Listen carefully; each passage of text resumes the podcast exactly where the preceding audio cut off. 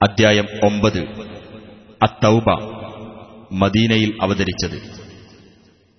പലരുടെയും പശ്ചാത്താപത്തെക്കുറിച്ച് ഈ അദ്ധ്യായത്തിൽ പരാമർശമുള്ളതിനാലാണ് ഇപ്രകാരം പേർ നൽകപ്പെട്ടത്. ബറാഅത്ത് എന്നും ഈ അദ്ധ്യായത്തിന് പേർ നൽകപ്പെട്ടിട്ടുണ്ട്. ആദ്യ വചനത്തിലെ ആദ്യ പദം തന്നെ ബറാഅത്ത് ആണല്ലോ. ഈ അദ്ധ്യായത്തിൽ ബിസ്മി ഇല്ല. براءة من الله ورسوله إلى الذين عاهدتم من المشركين ബഹുദൈവ വിശ്വാസികളിൽ നിന്ന് ആരുമായി നിങ്ങൾ കരാറിൽ ഏർപ്പെട്ടിട്ടുണ്ടോ അവരോട് അള്ളാഹുവിന്റെയും അവന്റെ ദൂതന്റെയും ഭാഗത്തു നിന്നുള്ള ബാധ്യത ഒഴിഞ്ഞതായി ഇതാ പ്രഖ്യാപിക്കുന്നു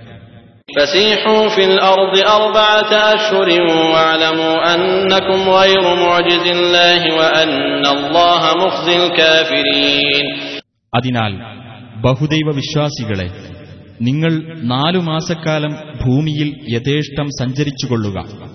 നിങ്ങൾക്ക് അള്ളാഹുവിനെ തോൽപ്പിക്കാനാവില്ലെന്നും സത്യനിഷേധികൾക്ക് അള്ളാഹു അപമാനം വരുത്തുന്നതാണെന്നും നിങ്ങൾ അറിഞ്ഞിരിക്കുകയും ചെയ്യുക. وأذان من الله ورسوله إلى الناس يوم الحج الأكبر أن الله بريء من المشركين ورسوله. فإن تبتم فهو خير لكم وإن توليتم فاعلموا أنكم غير معجز الله وبشر الذين كفروا بعذاب أليم. مهتايا ഹജ്ജിന്റെ ദിവസത്തിൽ മനുഷ്യരോട് പൊതുവായി അള്ളാഹുവിന്റെയും റസൂലിന്റെയും ഭാഗത്തുനിന്ന് ഇതാ അറിയിക്കുകയും ചെയ്യുന്നു.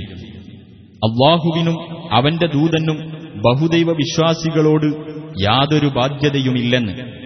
എന്നാൽ ബഹുദൈവ വിശ്വാസികളെ നിങ്ങൾ പശ്ചാത്തപിക്കുകയാണെങ്കിൽ അതാണ് നിങ്ങൾക്ക് ഉത്തമം.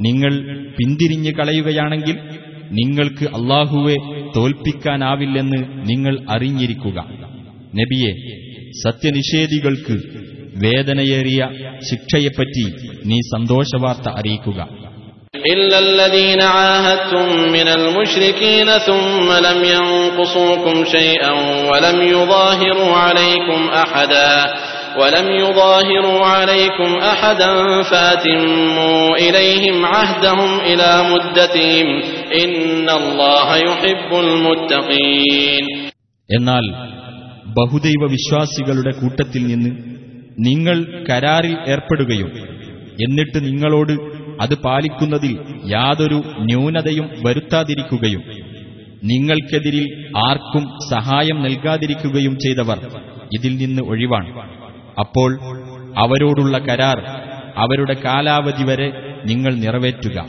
തീർച്ചയായും അള്ളാഹു സൂക്ഷ്മത പാലിക്കുന്നവരെ ഇഷ്ടപ്പെടുന്നു. فإذا انسلخ الأشهر الحرم فاقتلوا المشركين حيث وجدتموهم وخذوهم واحصروهم واقعدوا لهم كل مرصد فإن تابوا وأقاموا الصلاة وآتوا الزكاة فخلوا سبيلهم إن الله غفور رحيم അങ്ങനെ ആ വിലക്കപ്പെട്ട മാസങ്ങൾ കഴിഞ്ഞാൽ ആ ബഹുദൈവ വിശ്വാസികളെ നിങ്ങൾ കണ്ടെത്തിയിടത്ത് വെച്ച് കൊന്നുകളയുക. അവരെ പിടികൂടുകയും വളയുകയും അവർക്കുവേണ്ടി പതിയിരിക്കാവുന്നിടത്തെല്ലാം പതിയിരിക്കുകയും ചെയ്യുക. ഇനി അവർ പശ്ചാത്തപിക്കുകയും നമസ്കാരം മുറ പോലെ നിർവഹിക്കുകയും ജക്കാത്ത് നൽകുകയും ചെയ്യുന്ന പക്ഷം നിങ്ങൾ അവരുടെ വഴി ഒഴിവാക്കി കൊടുക്കുക. തീർച്ചയായും അള്ളാഹു ഏറെ പൊറുക്കുന്നവനും കരുണാനിധിയുമാണ്.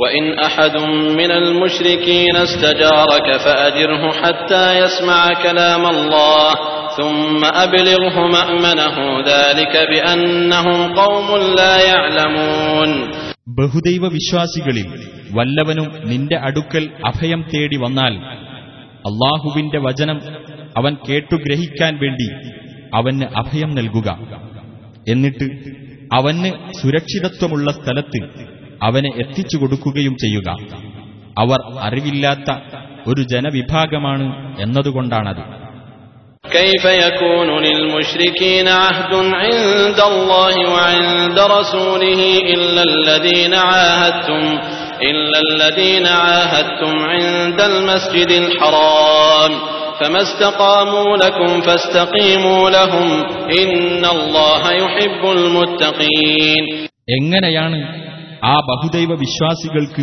അള്ളാഹുവിന്റെ അടുക്കലും അവന്റെ ദൂതന്റെ അടുക്കലും ഉടമ്പടി നിലനിൽക്കുക. നിങ്ങൾ ആരുമായി മസ്ജിദുൽ ഹറാമിന്റെ അടുത്തുവച്ച് കരാറിൽ ഏർപ്പെട്ടുവോ അവർക്കല്ലാതെ. എന്നാൽ അവർ നിങ്ങളോട് ശരിയായി വർത്തിക്കുന്നിടത്തോളം നിങ്ങൾ അവരോടും ശരിയായി വർത്തിക്കുക. തീർച്ചയായും അള്ളാഹു സൂക്ഷ്മത പാലിക്കുന്നവരെ ഇഷ്ടപ്പെടുന്നു. كيف وإن يظهروا عليكم لا يرقبوا فيكم إلا ولا ذمة يرضونكم بأفواههم وتأبى قلوبهم وأكثرهم فاسقون അതെങ്ങനെ നിലനിൽക്കും നിങ്ങളുടെ മേൽ അവർ വിജയം നേടുന്ന പക്ഷം നിങ്ങളുടെ കാര്യത്തിൽ കുടുംബബന്ധമോ ഉടമ്പടിയോ അവർ പരിഗണിക്കുകയില്ല അവരുടെ വായ്കൊണ്ട് അവർ നിങ്ങളെ തൃപ്തിപ്പെടുത്തും അവരുടെ മനസ്സുകൾ വെറുക്കുകയും ചെയ്യും. അവരിൽ അധിക പേരും ധിക്കാരികളാകുന്നു.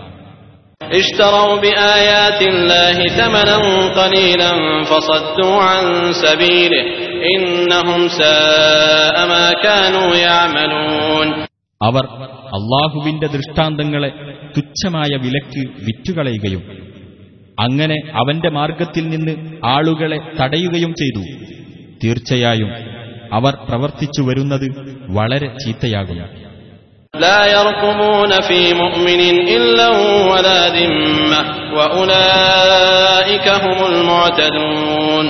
ഒരു സത്യവിശ്വാസിയുടെ കാര്യത്തിലും കുടുംബബന്ധമോ ഉടമ്പടിയോ അവർ പരിഗണിക്കാറില്ല.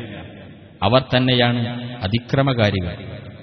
فإن تابوا وأقاموا الصلاة وآتوا الزكاة فإخوانكم في الدين ونفصل الآيات لقوم يعلمون എന്നാൽ അവർ പശ്ചാത്തപിക്കുകയും നമസ്കാരം മുറ പോലെ നിർവഹിക്കുകയും ജക്കാത്ത് നൽകുകയും ചെയ്യുന്ന പക്ഷം അവർ മതത്തിൽ നിങ്ങളുടെ സഹോദരങ്ങളാകുന്നു മനസ്സിലാക്കുന്ന ആളുകൾക്ക് വേണ്ടി നാം ദൃഷ്ടാന്തങ്ങൾ വിശദീകരിക്കുന്നു وإن نكثوا أيمانهم من بعد عهدهم وطعنوا في دينكم فقاتلوا أئمة الكفر فقاتلوا أئمة الكفر إنهم لا أيمان لهم لعلهم ينتهون ഇനി അവർ കരാറിൽ ഏർപ്പെട്ടതിനു ശേഷം തങ്ങളുടെ ശപഥങ്ങൾ ലംഘിക്കുകയും നിങ്ങളുടെ മതത്തെ പരിഹസിക്കുകയും ചെയ്യുകയാണെങ്കിൽ സത്യനിഷേധത്തിന്റെ നേതാക്കളോട് നിങ്ങൾ യുദ്ധം ചെയ്യുക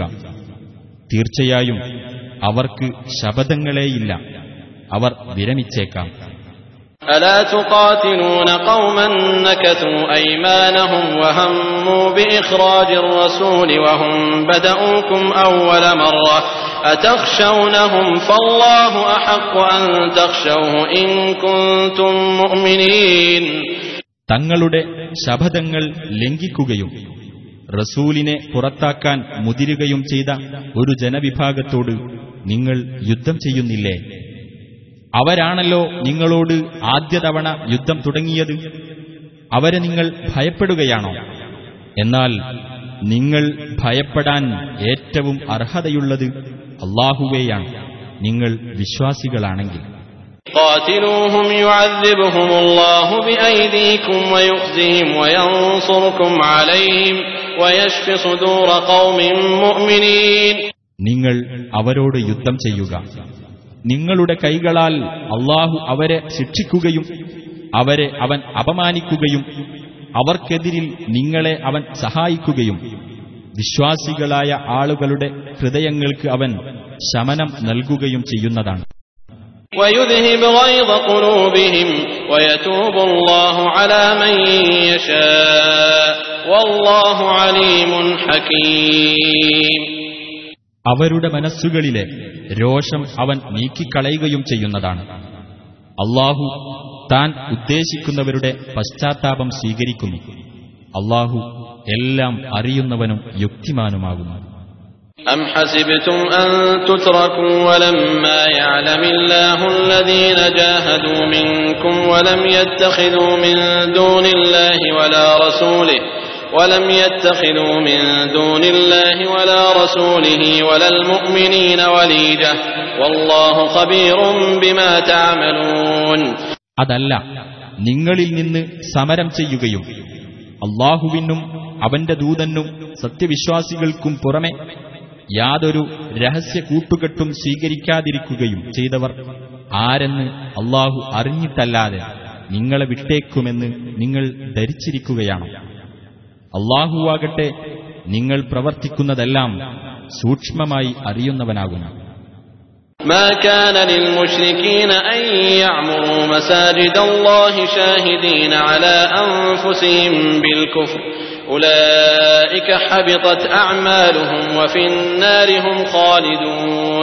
ബഹുദൈവവാദികൾക്ക് സത്യനിഷേധത്തിന് സ്വയം സാക്ഷ്യം വഹിക്കുന്നവരായിക്കൊണ്ട് അള്ളാഹുവിന്റെ പള്ളികൾ പരിപാലിക്കാൻ അവകാശമില്ല. അത്തരക്കാരുടെ കർമ്മങ്ങൾ നിഷ്ഫലമായിരിക്കുന്നു. നരകത്തിൽ അവർ നിത്യവാസികളായിരിക്കുകയും ചെയ്യും.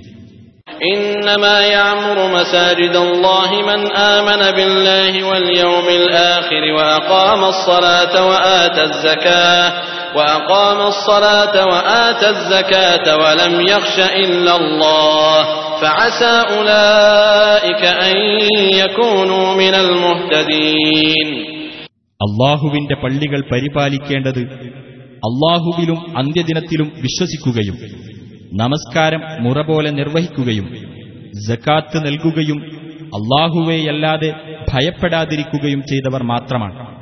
എന്നാൽ അത്തരക്കാർ സന്മാർഗം പ്രാപിക്കുന്നവരുടെ കൂട്ടത്തിലായേക്കാം.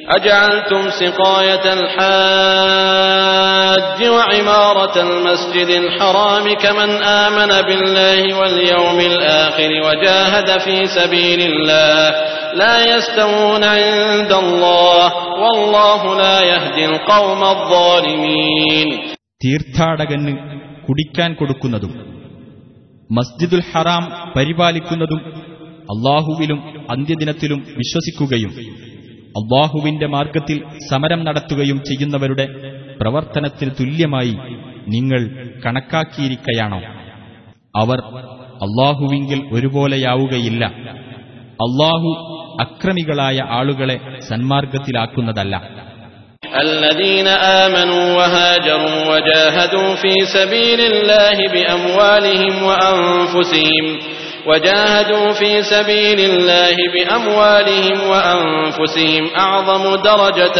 عند الله وأولئك هم الفائزون വിശ്വസിക്കുകയും സ്വദേശം വെടിയുകയും തങ്ങളുടെ സ്വത്തുക്കളും ശരീരങ്ങളും കൊണ്ട് അള്ളാഹുവിന്റെ മാർഗത്തിൽ സമരം നടത്തുകയും ചെയ്തവർ അള്ളാഹുവിങ്കിൽ ഏറ്റവും മഹത്തായ പദവിയുള്ളവരാണ് അവർ തന്നെയാണ് വിജയം പ്രാപിച്ചവർ.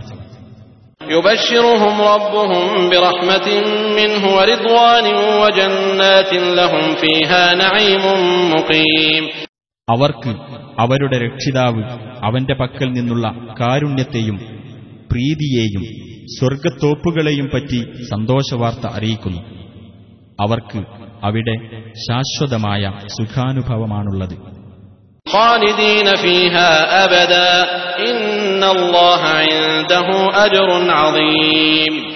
അവരതിൽ നിത്യവാസികളായിരിക്കും തീർച്ചയായും അള്ളാഹുവിന്റെ അടുക്കലാണ് മഹത്തായ പ്രതിഫലമുള്ളത് يا أيها الذين آمنوا لا تتخذوا آباءكم وإخوانكم أولياء إن استحبوا الكفر على الإيمان ومن يتولهم منكم فأولئك هم الظالمون സത്യവിശ്വാസികളെ നിങ്ങളുടെ പിതാക്കളും നിങ്ങളുടെ സഹോദരങ്ങളും സത്യവിശ്വാസത്തേക്കാൾ സത്യനിഷേധത്തെ പ്രിയങ്കരമായി കരുതുകയാണെങ്കിൽ അവരെ നിങ്ങൾ രക്ഷാകർത്താക്കളായി സ്വീകരിക്കരുത് നിങ്ങളിൽ നിന്ന് ആരെങ്കിലും അവരെ രക്ഷാകർത്താക്കളായി സ്വീകരിക്കുന്ന പക്ഷം അവർ തന്നെയാണ് അക്രമികൾ قل إن كان آباؤكم وأبناؤكم وإخوانكم وأزواجكم وعشيرتكم وأموال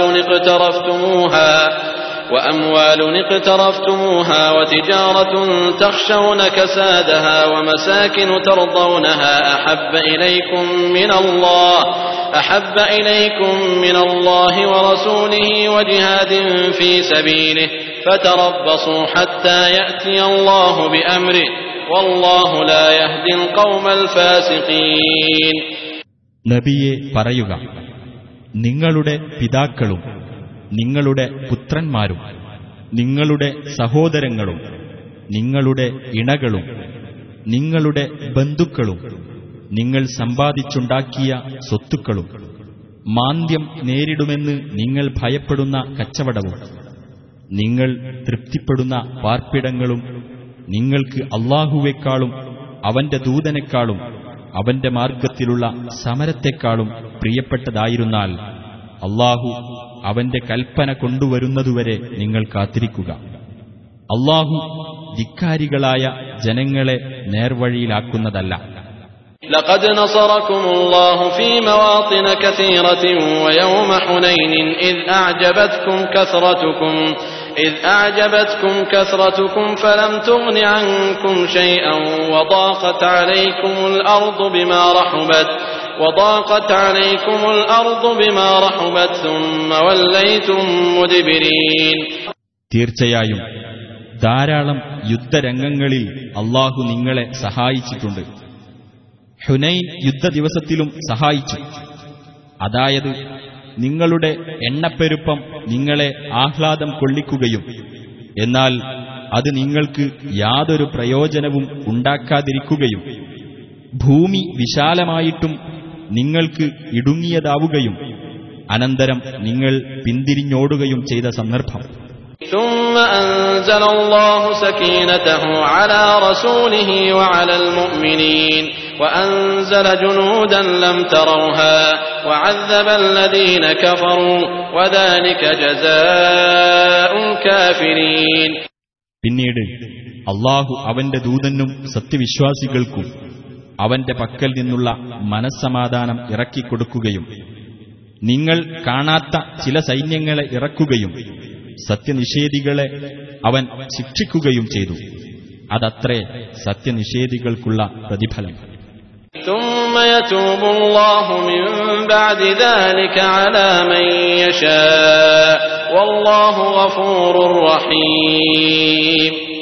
പിന്നീട് അതിനുശേഷം താൻ ഉദ്ദേശിക്കുന്നവരുടെ പശ്ചാത്താപം അള്ളാഹു സ്വീകരിക്കുന്നതാണ്. അള്ളാഹു ഏറെ പൊറുക്കുന്നവനും കരുണാനിധിയുമാകുന്നു يا أيها الذين آمنوا إنما المشركون نجس فلا يقربوا المسجد الحرام بعد عامهم هذا وإن خفتم عيلة فسوف يغنيكم الله من فضله إن شاء إن الله عليم حكيم സത്യവിശ്വാസികളെ ബഹുദൈവ വിശ്വാസികൾ അശുദ്ധർ തന്നെയാകുന്നു. അതിനാൽ അവർ ഈ കൊല്ലത്തിനു ശേഷം മസ്ജിദുൽ ഹറാമിനെ സമീപിക്കരുത്. അവരുടെ അഭാവത്താൽ ദാരിദ്ര്യം നേരിടുമെന്ന് നിങ്ങൾ ഭയപ്പെടുകയാണെങ്കിൽ അള്ളാഹു അവന്റെ അനുഗ്രഹത്താൽ അവൻ ഉദ്ദേശിക്കുന്ന പക്ഷം നിങ്ങൾക്ക് ഐശ്വര്യം വരുത്തുന്നതാണ്. തീർച്ചയായും അള്ളാഹു എല്ലാം അറിയുന്നവനും യുക്തിമാനുമാണ്. قاتلوا الذين لا يؤمنون بالله ولا باليوم الآخر ولا يحرمون ما حرم الله ورسوله ولا يدينون دين الحق من الذين أوتوا الكتاب حتى يعطوا الجزية عن يد وهم صاغرون വേദം നൽകപ്പെട്ടവരുടെ കൂട്ടത്തിൽ അള്ളാഹുവിലും അന്ത്യദിനത്തിലും വിശ്വസിക്കാതിരിക്കുകയും അള്ളാഹുവും അവന്റെ ദൂതനും നിഷിദ്ധമാക്കിയത് നിഷിദ്ധമായി ഗണിക്കാതിരിക്കുകയും സത്യമതത്തെ മതമായി സ്വീകരിക്കാതിരിക്കുകയും ചെയ്യുന്നവരോട് നിങ്ങൾ യുദ്ധം ചെയ്തുകൊള്ളുക അവർ കീഴടങ്ങിക്കൊണ്ട് കയ്യോടെ കപ്പം കൊടുക്കുന്നതുവരെ وقالت اليهود عزير ابن الله وقالت النصارى المسيح ابن الله ذلك قولهم بأفواههم يضاهئون قول الذين كفروا من قبل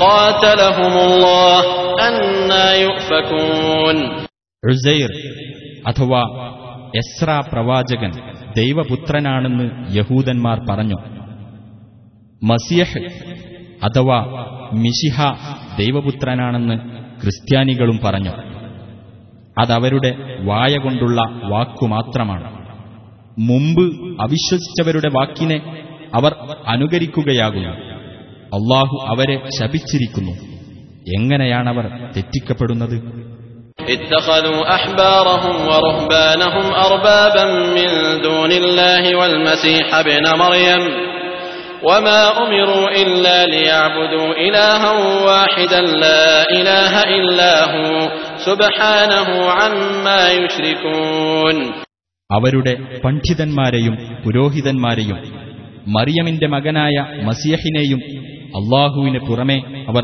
രക്ഷിതാക്കളായി സ്വീകരിച്ചു. എന്നാൽ ഏകദൈവത്തെ ആരാധിക്കാൻ മാത്രമായിരുന്നു അവർ കൽപ്പിക്കപ്പെട്ടിരുന്നത്. അവനല്ലാതെ യാതൊരു ദൈവവുമില്ല. അവർ പങ്കുചേർക്കുന്നതിൽ നിന്ന് അവൻ എത്രയോ പരിശുദ്ധൻ.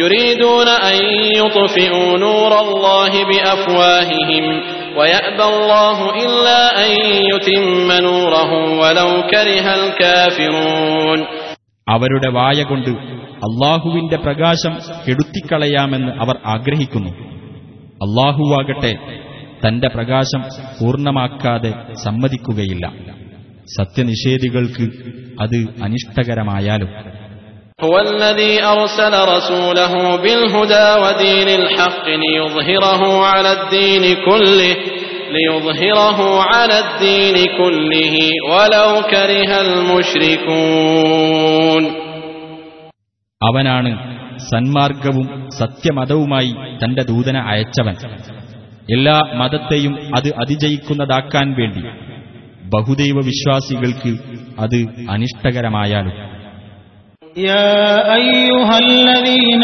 آمنوا إن كثيرا من الأحبار والرهبان ليأكلون أموال الناس بالباطل ليأكلون أموال الناس بالباطل ويصدون عن سبيل الله.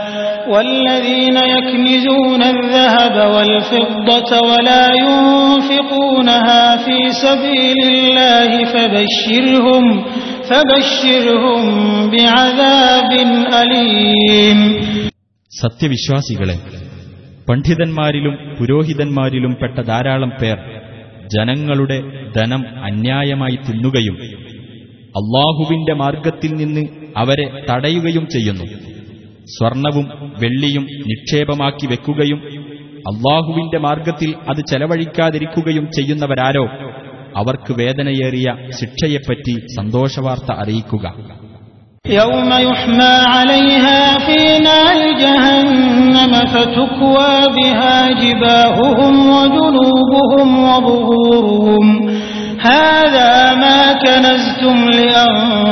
ും.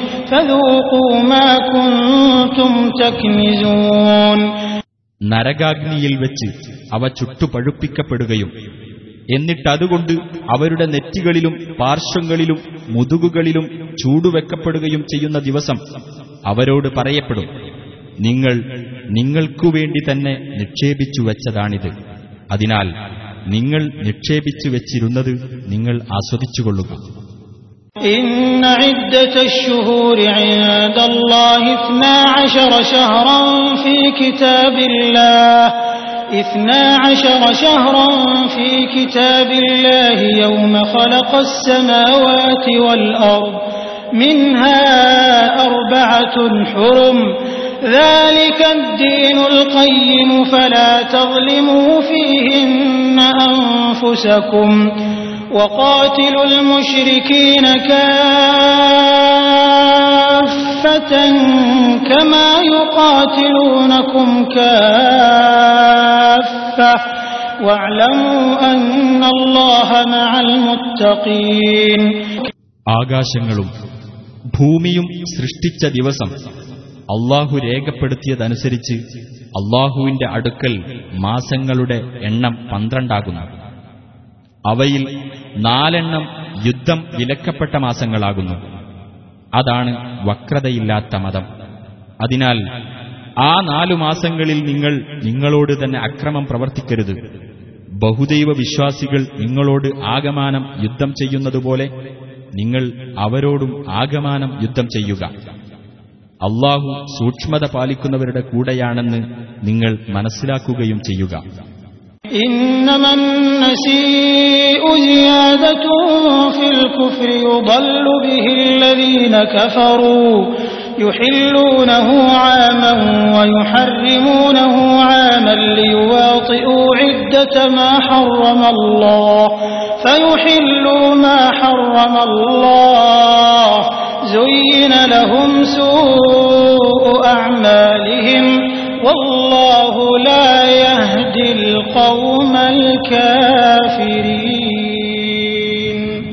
വിലക്കപ്പെട്ട മാസം പുറകോട്ട് മാറ്റുക എന്നത് സത്യനിഷേധത്തിന്റെ വർധനവ് തന്നെയാകുന്നു. സത്യനിഷേധികൾ അതുമൂലം തെറ്റിലേക്ക് നയിക്കപ്പെടുന്നു. ഒരു കൊല്ലം അവരത് അനുവദനീയമാക്കുകയും മറ്റൊരു കൊല്ലം നിഷിദ്ധമാക്കുകയും ചെയ്യുന്നു. അള്ളാഹു നിഷിദ്ധമാക്കിയ മാസത്തിന്റെ എണ്ണമൊപ്പിക്കുവാനും എന്നിട്ട് അള്ളാഹു നിഷിദ്ധമാക്കിയത് ഏതോ അത് അനുവദനീയമാക്കുവാനും വേണ്ടിയാണ് അവരങ്ങനെ ചെയ്യുന്നത് അവരുടെ ദുഷ്പ്രവൃത്തികൾ അവർക്ക് ഭംഗിയായി തോന്നിക്കപ്പെട്ടിരിക്കുന്നു സത്യനിഷേധികളായ ജനങ്ങളെ അള്ളാഹു നേർവഴിയിലാക്കുകയില്ല يا أيها الذين آمنوا ما لكم إذا قيل لكم انفروا في سبيل الله اثاقلتم إلى الأرض أرضيتم بالحياة الدنيا من الآخرة فما متاع الحياة الدنيا في الآخرة إلا قليل സത്യവിശ്വാസികളെ നിങ്ങൾക്കെന്തുപറ്റി അള്ളാഹുവിന്റെ മാർഗത്തിൽ ധർമ്മസമരത്തിന് നിങ്ങൾ ഇറങ്ങി പുറപ്പെട്ടുകൊള്ളുക എന്ന് നിങ്ങളോട് പറയപ്പെട്ടാൽ നിങ്ങൾ ഭൂമിയിലേക്ക് തൂങ്ങിക്കളയുന്നു പരലോകത്തിനു പകരം ഇഹലോക ജീവിതം കൊണ്ട് നിങ്ങൾ തൃപ്തിപ്പെട്ടിരിക്കുകയാണോ? എന്നാൽ പരലോകത്തിന്റെ മുമ്പിൽ ഇഹലോകത്തിലെ സുഖാനുഭവം തുച്ഛം മാത്രമാകുന്നു.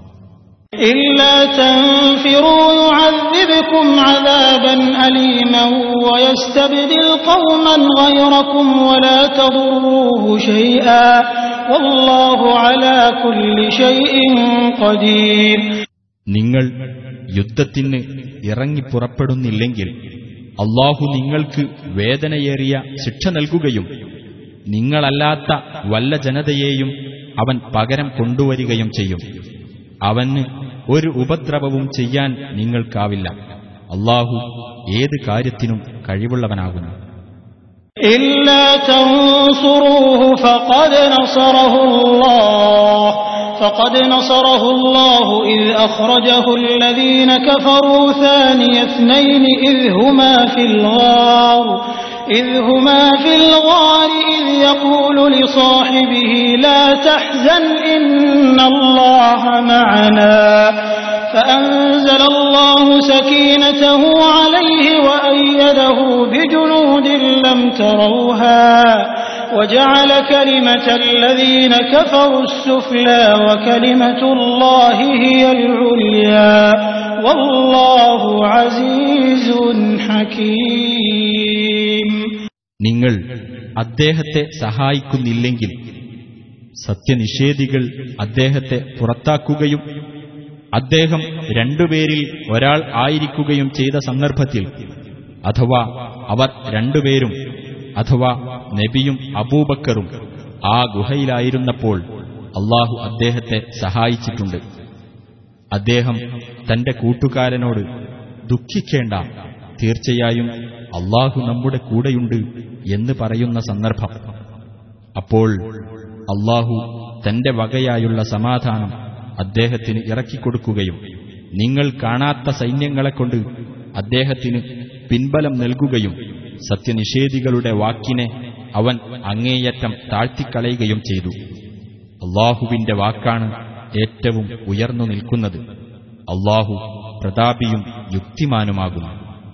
انفروا خفافا وثقالا وجاهدوا بأموالكم وأنفسكم في سبيل الله ذلكم خير لكم إن كنتم تعلمون നിങ്ങൾ സൗകര്യമുള്ളവരാണെങ്കിലും ഞെരുക്കമുള്ളവരാണെങ്കിലും ധർമ്മസമരത്തിന് ഇറങ്ങി പുറപ്പെട്ടുകൊള്ളുക നിങ്ങളുടെ സ്വത്തുക്കൾ കൊണ്ടും ശരീരങ്ങൾ കൊണ്ടും അള്ളാഹുവിന്റെ മാർഗത്തിൽ നിങ്ങൾ സമരം ചെയ്യുക അതാണ് നിങ്ങൾക്ക് ഉത്തമം നിങ്ങൾ മനസ്സിലാക്കുന്നുണ്ടെങ്കിൽ لو كان عرضا قريبا وسفرا قاصدا لاتبعوك ولكن بعدت عليهم الشقة وسيحلفون بالله لو استطعنا لخرجنا معكم يهلكون أنفسهم والله يعلم إنهم لكاذبون അടുത്തുതന്നെയുള്ള ഒരു നേട്ടവും വിഷമകരമല്ലാത്ത യാത്രയുമായിരുന്നുവെങ്കിൽ അവർ നിന്നെ പിന്തുടരുമായിരുന്നു പക്ഷേ വിഷമകരമായ ഒരു യാത്രാലക്ഷ്യം അവർക്ക് വിദൂരമായി തോന്നിയിരിക്കുന്നു ഞങ്ങൾക്ക് സാധിച്ചിരുന്നെങ്കിൽ ഞങ്ങൾ നിങ്ങളുടെ കൂടെ പുറപ്പെടുമായിരുന്നു എന്ന് അവർ അള്ളാഹുവിന്റെ പേരിൽ സത്യം ചെയ്ത് പറഞ്ഞേക്കും. അവർ അവർക്കു തന്നെ നാശമുണ്ടാക്കുകയാകുന്നു. തീർച്ചയായും അവർ കള്ളം പറയുന്നവരാണെന്ന് അള്ളാഹുവിനറിയാം.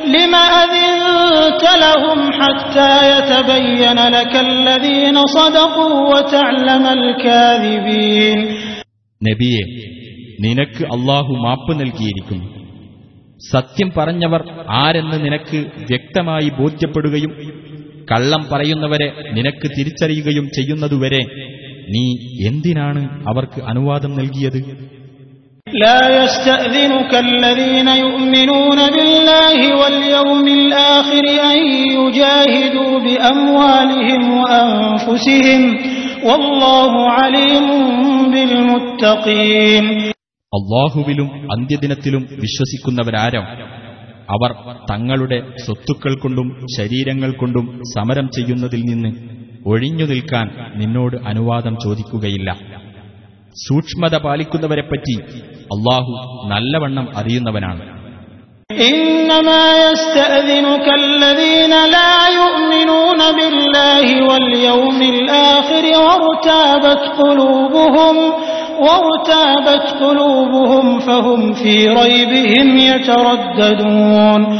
അള്ളാഹുവിലും അന്ത്യദിനത്തിലും വിശ്വസിക്കാതിരിക്കുകയും മനസ്സുകളിൽ സംശയം കുടികൊള്ളുകയും ചെയ്യുന്നവർ മാത്രമാണ് നിന്നോട് അനുവാദം ചോദിക്കുന്നത് കാരണം അവർ അവരുടെ സംശയത്തിൽ ആടിക്കളിച്ചുകൊണ്ടിരിക്കുകയാണ് ولو أرادوا الخروج لأعدوا له عدة لأعدوا له عدة ولكن كره الله بعاثهم فثبطهم فثبطهم وقيل اقعدوا مع القاعدين അവർ പുറപ്പെടാൻ ഉദ്ദേശിച്ചിരുന്നുവെങ്കിൽ അതിനുവേണ്ടി ഒരുക്കേണ്ടതെല്ലാം അവർ ഒരുക്കുമായിരുന്നു പക്ഷേ അവരുടെ പുറപ്പാട് അള്ളാഹു ഇഷ്ടപ്പെടാതിരുന്നതുകൊണ്ട് അവരെ പിന്തിരിപ്പിച്ചു നിർത്തിയിരിക്കുകയാണ് മുടങ്ങിയിരിക്കുന്നവരോടൊപ്പം നിങ്ങളും ഇരുന്നുകൊള്ളുക എന്ന് അവരോട് പറയപ്പെടുകയും ചെയ്തിരിക്കുന്നു لو خرجوا فيكم ما زادوكم إلا خبالا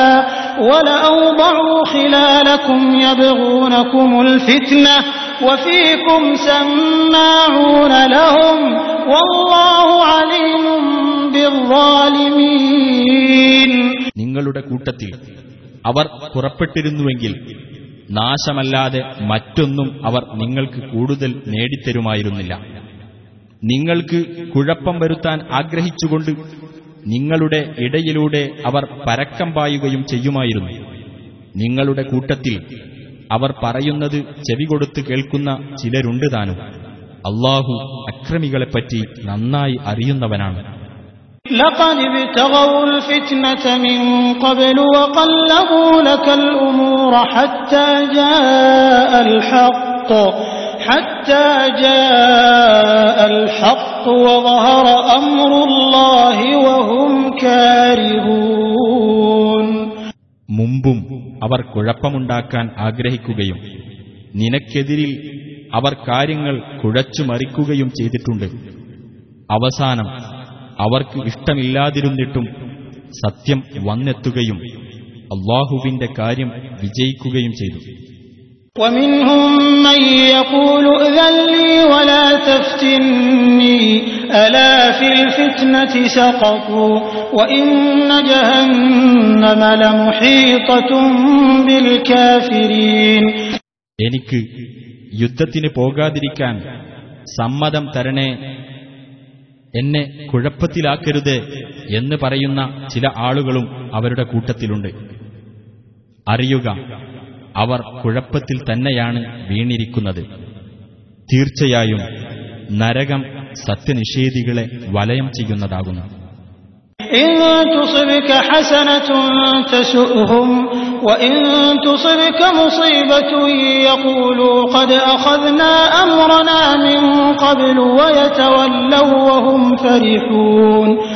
നിനക്ക് വല്ല നന്മയും വന്നെത്തുന്ന പക്ഷം അതവരെ ദുഃഖിതരാക്കുകയും നിനക്ക് വല്ല ആപത്തും വന്നെത്തുന്ന പക്ഷം ഞങ്ങൾ ഞങ്ങളുടെ കാര്യം മുമ്പ് തന്നെ സൂക്ഷിച്ചിട്ടുണ്ട് എന്ന് അവർ പറയുകയും ആഹ്ലാദിച്ചുകൊണ്ട് അവർ പിന്തിരിഞ്ഞു പോകുകയും ചെയ്യും.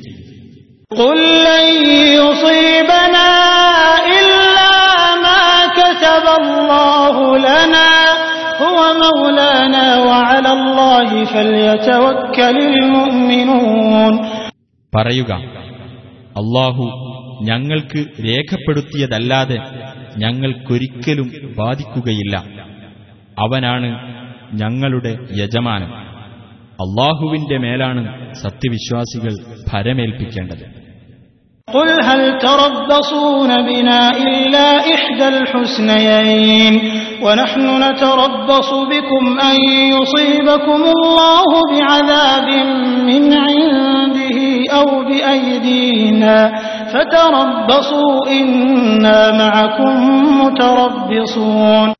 പറയുക രക്തസാക്ഷിത്വം വിജയം എന്നീ രണ്ടു നല്ല കാര്യങ്ങളിൽ ഏതെങ്കിലും ഒന്നല്ലാതെ ഞങ്ങളുടെ കാര്യത്തിൽ നിങ്ങൾ പ്രതീക്ഷിക്കുന്നുണ്ടോ? എന്നാൽ നിങ്ങളുടെ കാര്യത്തിൽ ഞങ്ങൾ പ്രതീക്ഷിക്കുന്നത് നിങ്ങൾക്ക് അള്ളാഹു തന്റെ പക്കൽ നിന്ന് നേരിട്ടോ ഞങ്ങളുടെ കൈക്കോ ശിക്ഷ ഏൽപ്പിക്കും എന്നതാണ്. അതിനാൽ നിങ്ങൾ പ്രതീക്ഷിച്ചുകൊള്ളുക. ഞങ്ങളും നിങ്ങളോടൊപ്പം പ്രതീക്ഷിച്ചിരിക്കുന്നവരാണ്.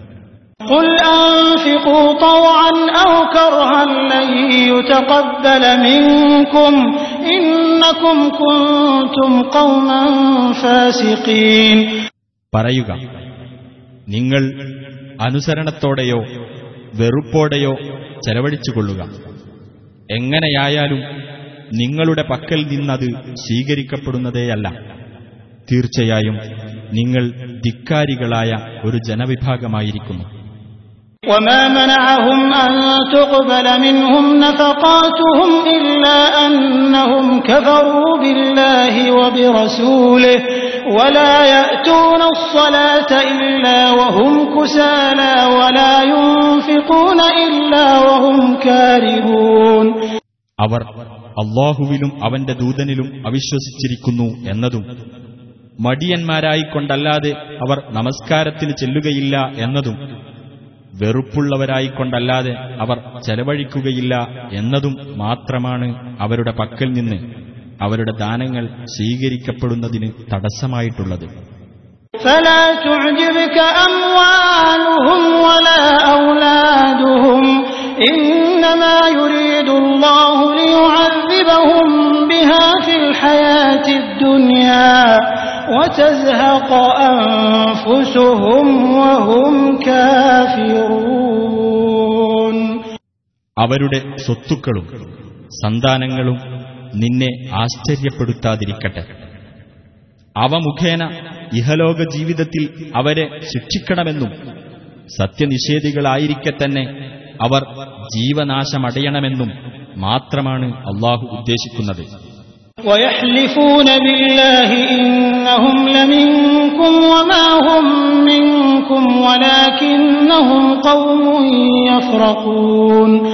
തീർച്ചയായും അവർ നിങ്ങളുടെ കൂട്ടത്തിൽപ്പെട്ടവരാണെന്ന് അവർ അള്ളാഹുവിന്റെ പേരിൽ സത്യം ചെയ്തു പറയും. എന്നാൽ അവർ നിങ്ങളുടെ കൂട്ടത്തിൽപ്പെട്ടവരല്ല. പക്ഷേ അവർ പേടിച്ചു കഴിയുന്ന ഒരു ജനവിഭാഗമാകുന്നു لو يجدون ملجأ أو مغارات أو مدخلا لولوا إليه وهم يجنحون ഏതെങ്കിലും അഭയസ്ഥാനമോ ഗുഹകളോ കടന്നുകൂടാൻ പറ്റിയ ഏതെങ്കിലും സ്ഥലമോ അവർ കണ്ടെത്തുകയാണെങ്കിൽ കുതറിച്ചാടിക്കൊണ്ട് അവരങ്ങോട്ട് തിരിഞ്ഞു പോകുന്നതാണ് ومنهم من يلمزك في الصدقات فإن أعطوا منها رضوا وإن لم يعطوا منها إذا هم يسخطون അവരുടെ കൂട്ടത്തിൽ ദാനധർമ്മങ്ങളുടെ കാര്യത്തിൽ നിന്നെ ആക്ഷേപിക്കുന്ന ചിലരുണ്ട് അതിൽ നിന്ന് അവർക്ക് നൽകപ്പെടുന്ന പക്ഷം അവർ തൃപ്തിപ്പെടും അവർക്കതിൽ നിന്ന് നൽകപ്പെട്ടിട്ടില്ലെങ്കിലോ അവരതാ കോപിക്കുന്നു ولو أنهم رضوا ما آتاهم الله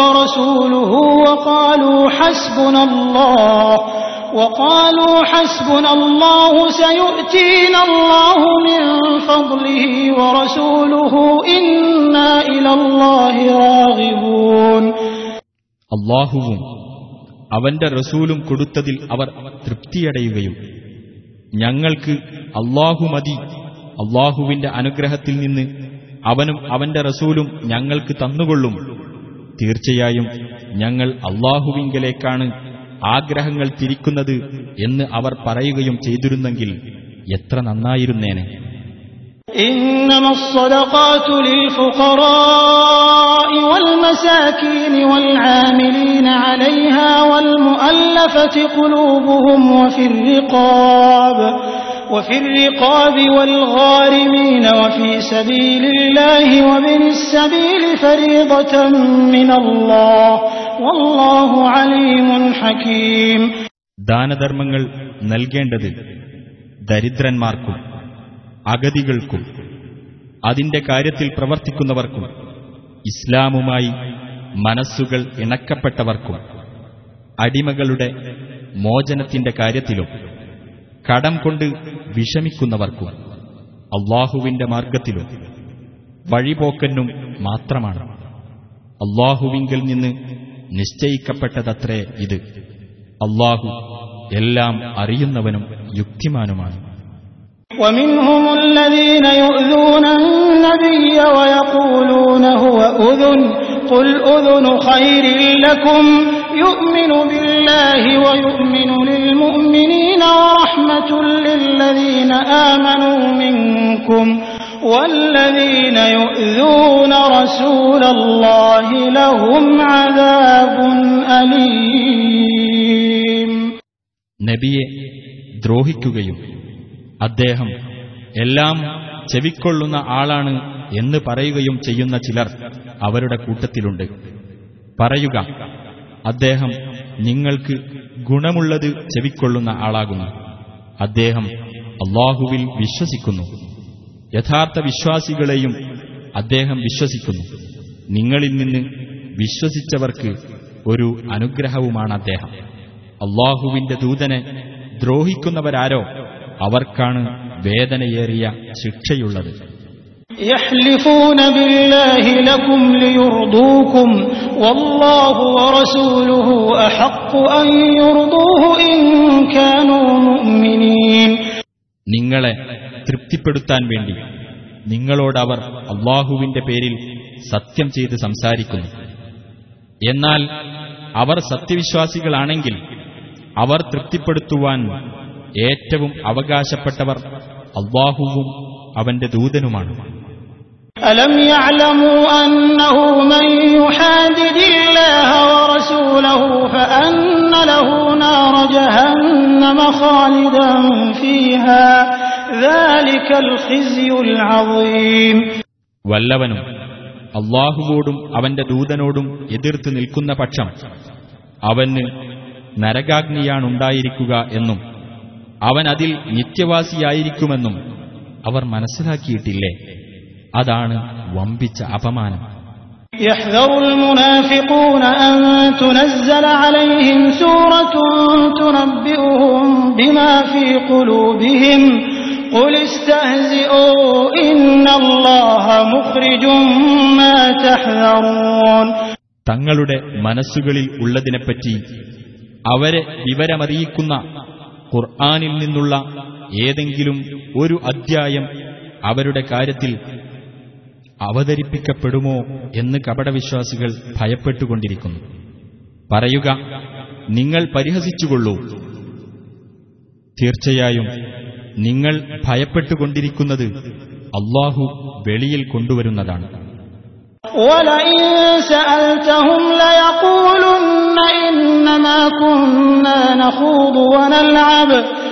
أبالله وآياته ورسوله كنتم تستهزئون നീ അവരോട് അതിനെപ്പറ്റി ചോദിച്ചാൽ അവർ പറയും ഞങ്ങൾ തമാശ പറഞ്ഞു കളിക്കുക മാത്രമായിരുന്നു പറയുക അള്ളാഹുവേയും അവന്റെ ദൃഷ്ടാന്തങ്ങളെയും അവന്റെ ദൂതനെയുമാണോ നിങ്ങൾ പരിഹസിച്ചുകൊണ്ടിരിക്കുന്നത് لا تعتذروا قد كفرتم بعد إيمانكم إن نعف عن طائفة منكم نعذب طائفة بأنهم كانوا مجرمين നിങ്ങൾ ഒഴികഴിവുകളൊന്നും പറയേണ്ട വിശ്വസിച്ചതിനു ശേഷം നിങ്ങൾ അവിശ്വസിച്ചു കഴിഞ്ഞിരിക്കുന്നു നിങ്ങളിൽ ഒരു വിഭാഗത്തിന് നാം മാപ്പു നൽകുകയാണെങ്കിൽ തന്നെ മറ്റൊരു വിഭാഗത്തിന് അവർ കുറ്റവാളികളായിരുന്നതിനാൽ നാം ശിക്ഷ നൽകുന്നതാണ് المنافقون والمنافقات بعضهم من بعض يأمرون بالمنكر وينهون عن المعروف ويقبضون أيديهم نسوا الله فنسيهم إن المنافقين هم الفاسقون കപടവിശ്വാസികളും കപടവിശ്വാസിനികളും എല്ലാം ഒരേ തരക്കാരാകുന്നു. അവർ ദുരാചാരം കൽപ്പിക്കുകയും സദാചാരത്തിൽ നിന്ന് വിലക്കുകയും തങ്ങളുടെ കൈകൾ അവർ പിൻവലിക്കുകയും ചെയ്യുന്നു. അവർ അള്ളാഹുവെ മറന്നു. അപ്പോൾ അവൻ അവരെയും മറന്നു. തീർച്ചയായും കപടവിശ്വാസികൾ തന്നെയാണ് ധിക്കാരികൾ. وعد الله المنافقين والمنافقات والكفار نار جهنم خالدين فيها هي حسبهم ولعنهم الله ولهم عذاب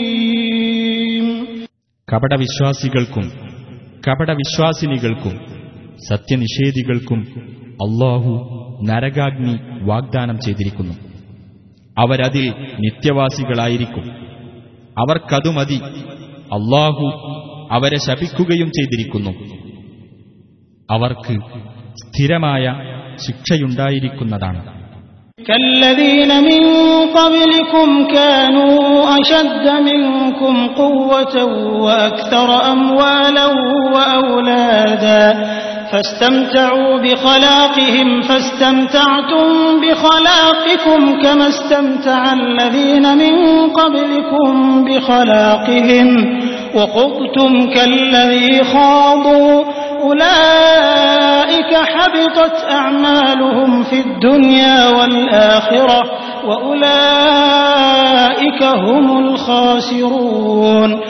നിങ്ങളുടെ മുമ്പുണ്ടായിരുന്നവരെ പോലെ തന്നെ നിങ്ങളെക്കാൾ കനത്ത ശക്തിയുള്ളവരും കൂടുതൽ സ്വത്തുക്കളും സന്തതികളുമുള്ളവരുമായിരുന്നു അവർ. അങ്ങനെ തങ്ങളുടെ ഓഹരി കൊണ്ട് അവർ സുഖമനുഭവിച്ചു. എന്നാൽ നിങ്ങളുടെ ആ മുൻഗാമികൾ അവരുടെ ഓഹരി കൊണ്ട് സുഖമനുഭവിച്ചതുപോലെ ഇപ്പോൾ നിങ്ങളുടെ ഓഹരി കൊണ്ട് നിങ്ങളും സുഖമനുഭവിച്ചു. അവർ അധർമ്മത്തിൽ മുഴുകിയതുപോലെ നിങ്ങളും മുഴുകി. അത്തരക്കാരുടെ കർമ്മങ്ങൾ ഇഹത്തിലും പരത്തിലും നിഷ്ഫലമായിരിക്കുന്നു അവർ തന്നെയാണ് നഷ്ടം പറ്റിയവർ ألم يأتهم نبأ الذين من قبلهم قوم نوح وعاد وثمود وقوم إبراهيم وقوم إبراهيم وأصحاب مدين والمؤتفكات أتتهم رسلهم بالبينات فما كان الله ليظلمهم ولكن كانوا أنفسهم يظلمون ഇവർക്ക് മുമ്പുള്ളവരുടെ വൃത്താന്തം ഇവർക്ക് വന്നെത്തിയില്ലേ അതായത് നോഹിന്റെ ജനതയുടെയും ആദ് സമൂത് ജനവിഭാഗങ്ങളുടെയും ഇബ്രാഹീമിന്റെ ജനതയുടെയും മദിയൻകാരുടെയും കീഴ്മേൽ മറിഞ്ഞ രാജ്യങ്ങളുടെയും വൃത്താന്തം അവരിലേക്കുള്ള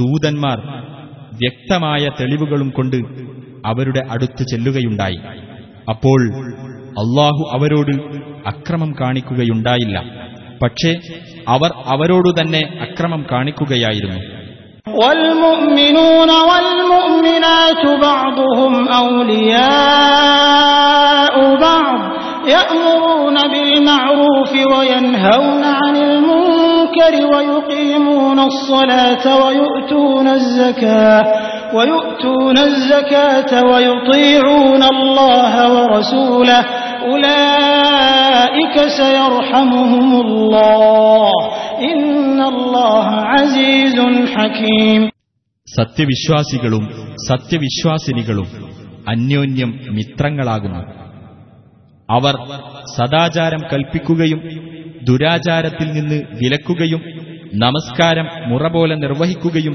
ജക്കാത്ത് നൽകുകയും അള്ളാഹുവേയും അവന്റെ ദൂതനെയും അനുസരിക്കുകയും ചെയ്യുന്നു അത്തരക്കാരോട് അള്ളാഹു കരുണ കാണിക്കുന്നതാണ് തീർച്ചയായും അള്ളാഹു പ്രതാപിയും യുക്തിമാനുമാണ് وعد الله المؤمنين والمؤمنات جنات تجري من تحتها الأنهار خالدين فيها خالدين فيها ومساكن طيبة في جنات عدن ورضوان من الله أكبر ذلك هو الفوز العظيم സത്യവിശ്വാസികൾക്കും സത്യവിശ്വാസിനികൾക്കും താഴ്ഭാഗത്തുകൂടി അരുവികൾ ഒഴുകുന്ന സ്വർഗത്തോപ്പുകൾ അള്ളാഹു വാഗ്ദാനം ചെയ്തിരിക്കുന്നു അവരതിൽ നിത്യവാസികളായിരിക്കും സ്ഥിരവാസത്തിലുള്ള തോട്ടങ്ങളിൽ വിശിഷ്ടമായ പാർപ്പിടങ്ങളും വാഗ്ദാനം ചെയ്തിരിക്കുന്നു എന്നാൽ അള്ളാഹുവിങ്കിൽ നിന്നുള്ള പ്രീതിയാണ്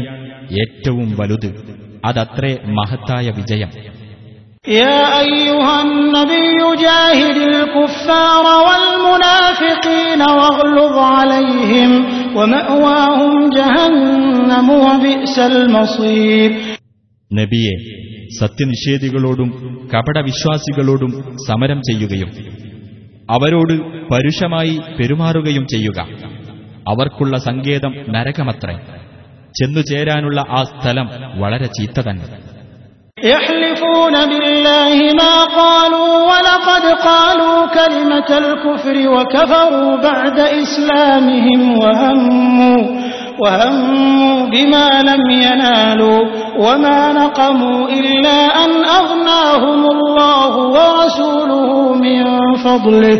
فإن يتوبوا يك خيرا لهم وإن يتولوا يعذبهم الله عذابا أليما في الدنيا والآخرة. وما لهم في الأرض من ولي തങ്ങൾ അങ്ങനെ പറഞ്ഞിട്ടില്ല എന്ന് അവർ അള്ളാഹുവിന്റെ പേരിൽ സത്യം ചെയ്ത് പറയും. തീർച്ചയായും അവിശ്വാസത്തിന്റെ വാക്ക് അവർ ഉച്ചരിക്കുകയും ഇസ്ലാം സ്വീകരിച്ചതിനു ശേഷം അവർ അവിശ്വസിച്ച് കളയുകയും അവർക്ക് നേടാൻ കഴിയാത്ത കാര്യത്തിന് അവർ ആലോചന നടത്തുകയും ചെയ്തിരിക്കുന്നു. അള്ളാഹുവിന്റെ അനുഗ്രഹത്താൽ അവനും അവന്റെ ദൂതനും അവർക്ക് ഐശ്വര്യമുണ്ടാക്കിക്കൊടുത്തു എന്നതൊഴിച്ച് അവരുടെ എതിർപ്പിന് ഒരു കാരണവുമില്ല. ആകയാൽ അവർ പശ്ചാത്തപിക്കുകയാണെങ്കിൽ അതവർക്ക് ഉത്തമമായിരിക്കും. അവർ പിന്തിരിഞ്ഞു കളയുന്ന പക്ഷം അള്ളാഹു അവർക്ക് ഇഹത്തിലും പരത്തിലും വേദനയേറിയ ശിക്ഷ നൽകുന്നതാണ്. ഭൂമിയിൽ അവർക്ക് ഒരു മിത്രമോ സഹായിയോ ഉണ്ടായിരിക്കുകയുമില്ല. ومنهم من عاهد الله لئن آتانا من فضله لنصدقن ولنكونن من الصالحين അള്ളാഹു അവന്റെ അനുഗ്രഹത്തിൽ നിന്ന് ഞങ്ങൾക്ക് നൽകുകയാണെങ്കിൽ തീർച്ചയായും ഞങ്ങൾ ദാനം ചെയ്യുകയും ഞങ്ങൾ സജ്ജനങ്ങളുടെ കൂട്ടത്തിൽ ആയിരിക്കുകയും ചെയ്യുമെന്ന് അവനുമായി കരാർ ചെയ്ത ചിലരും ആ കൂട്ടത്തിലുണ്ട് فلما آتاهم من فضله بخلوا به وتولوا وهم معرضون എന്നിട്ട് അവൻ അവർക്ക് തന്റെ അനുഗ്രഹത്തിൽ നിന്ന് നൽകിയപ്പോൾ അവരതിൽ പിശുക്ക് കാണിക്കുകയും അവഗണിച്ചുകൊണ്ട് തിരിഞ്ഞുകളയുകയും ചെയ്തു فأعقبهم نفاقا في قلوبهم إلى يوم يلقونه بما أخلفوا الله ما وعدوه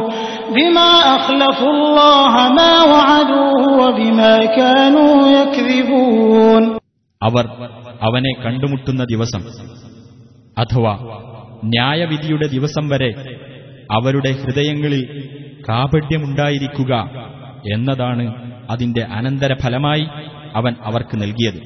അള്ളാഹുവോട് അവർ ചെയ്ത വാഗ്ദാനം അവർ ലംഘിച്ചതുകൊണ്ടും അവർ കള്ളം പറഞ്ഞിരുന്നതുകൊണ്ടുമാണത്. ألم يعلموا أن الله يعلم سرهم ونجواهم وأن الله علام الغيوب അവരുടെ രഹസ്യവും അവരുടെ ഗൂഢമന്ത്രവും അള്ളാഹു അറിയുന്നുണ്ടെന്നും അള്ളാഹു അദൃശ്യകാര്യങ്ങൾ നന്നായി അറിയുന്നവനാണെന്നും അവർ മനസ്സിലാക്കിയിട്ടില്ലേ الذين يلمزون المطوعين من المؤمنين في الصدقات والذين لا يجدون إلا جهدهم والذين لا يجدون إلا جهدهم فيسخرون منهم سخر الله منهم ولهم عذاب أليم സത്യവിശ്വാസികളിൽ നിന്ന് ദാനധർമ്മങ്ങൾ ചെയ്യാൻ സ്വയം സന്നദ്ധരായി വരുന്നവരെയും സ്വന്തം അധ്വാനമല്ലാതെ മറ്റൊന്നും ദാനം ചെയ്യാൻ കണ്ടെത്താത്തവരെയും അധിക്ഷേപിക്കുന്നവരത്രേ അവർ. അങ്ങനെ ആ വിശ്വാസികളെ അവർ പരിഹസിക്കുന്നു. അള്ളാഹു അവരെയും പരിഹസിച്ചിരിക്കുകയാണ്. അവർക്ക് വേദനയേറിയ ശിക്ഷയാണുള്ളത്. استغفر لهم أو لا تستغفر لهم إن تستغفر لهم سبعين مرة فلن يغفر الله لهم ذلك بأنهم كفروا بالله ورسوله والله لا يهدي القوم الفاسقين നബിയെ നീ അവർക്കുവേണ്ടി പാപമോചനം തേടിക്കൊള്ളുക അല്ലെങ്കിൽ അവർക്കുവേണ്ടി പാപമോചനം തേടാതിരിക്കുക. നീ അവർക്കുവേണ്ടി എഴുപത് പ്രാവശ്യം പാപമോചനം തേടിയാലും അള്ളാഹു അവർക്ക് പുറത്തു കൊടുക്കുകയില്ല. അവർ അള്ളാഹുവിലും അവന്റെ ദൂതനിലും അവിശ്വസിച്ചതുകൊണ്ടത്രേ അത്. ധിക്കാരികളായ ജനങ്ങളെ അള്ളാഹു നേർവഴിയിലാക്കുകയില്ല. فرح المخلفون بمقعدهم خلاف رسول الله وكرهوا أن يجاهدوا بأموالهم وأنفسهم وكرهوا أن يجاهدوا بأموالهم وأنفسهم في سبيل الله وقالوا لا تنفروا في الحر قل نار جهنم أشد حرا യുദ്ധത്തിനു പോകാതെ പിന്മാറി ഇരുന്നവർ അള്ളാഹുവിന്റെ ദൂതന്റെ കൽപ്പനയ്ക്കെതിരായുള്ള അവരുടെ ഇരുത്തത്തിൽ സന്തോഷം പൂണ്ടു. തങ്ങളുടെ സ്വത്തുക്കൾ കൊണ്ടും ശരീരങ്ങൾ കൊണ്ടും അള്ളാഹുവിന്റെ മാർഗത്തിൽ സമരം ചെയ്യുവാൻ അവർ ഇഷ്ടപ്പെട്ടില്ല. അവർ പറഞ്ഞു ഈ ഉഷ്ണത്തിൽ നിങ്ങൾ ഇറങ്ങി പുറപ്പെടേണ്ട. പറയുക നരകാഗ്നി കൂടുതൽ കഠിനമായ ചൂടുള്ളതാണ്. അവർ കാര്യം ഗ്രഹിക്കുന്നവരായിരുന്നെങ്കിൽ.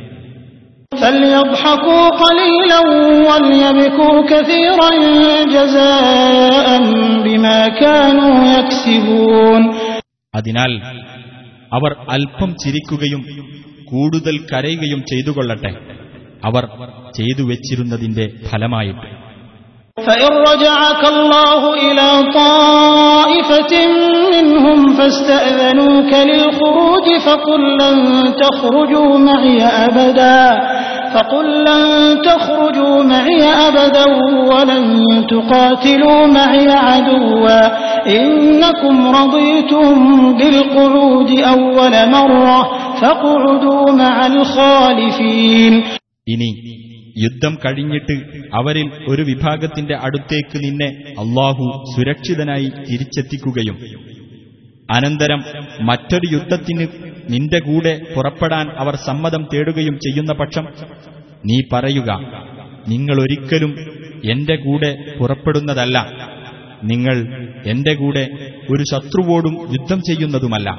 തീർച്ചയായും നിങ്ങൾ ആദ്യത്തെ പ്രാവശ്യം ഒഴിഞ്ഞിരിക്കുന്നതിൽ തൃപ്തി അടയുകയാണല്ലോ ചെയ്തത് അതിനാൽ ഒഴിഞ്ഞിരുന്നവരുടെ കൂടെ നിങ്ങളും ഇരുന്നുകൊള്ളുക ولا تصل على أحد منهم مات أبدا ولا تقم على قبره إنهم كفروا بالله ورسوله وماتوا وهم فاسقون അവരുടെ കൂട്ടത്തിൽ നിന്ന് മരണപ്പെട്ട യാതൊരാളുടെ പേരിലും നീ ഒരിക്കലും നമസ്കരിക്കരുത് അവന്റെ കബറിനരികിൽ നിൽക്കുകയും ചെയ്യരുത് തീർച്ചയായും അവർ അള്ളാഹുവിലും അവന്റെ ദൂതനിലും അവിശ്വസിക്കുകയും ധിക്കാരികളായിക്കൊണ്ട് മരിക്കുകയും ചെയ്തിരിക്കുന്നു ولا تعجبك أموالهم وأولادهم إنما يريد الله أن يعذبهم بها في الدنيا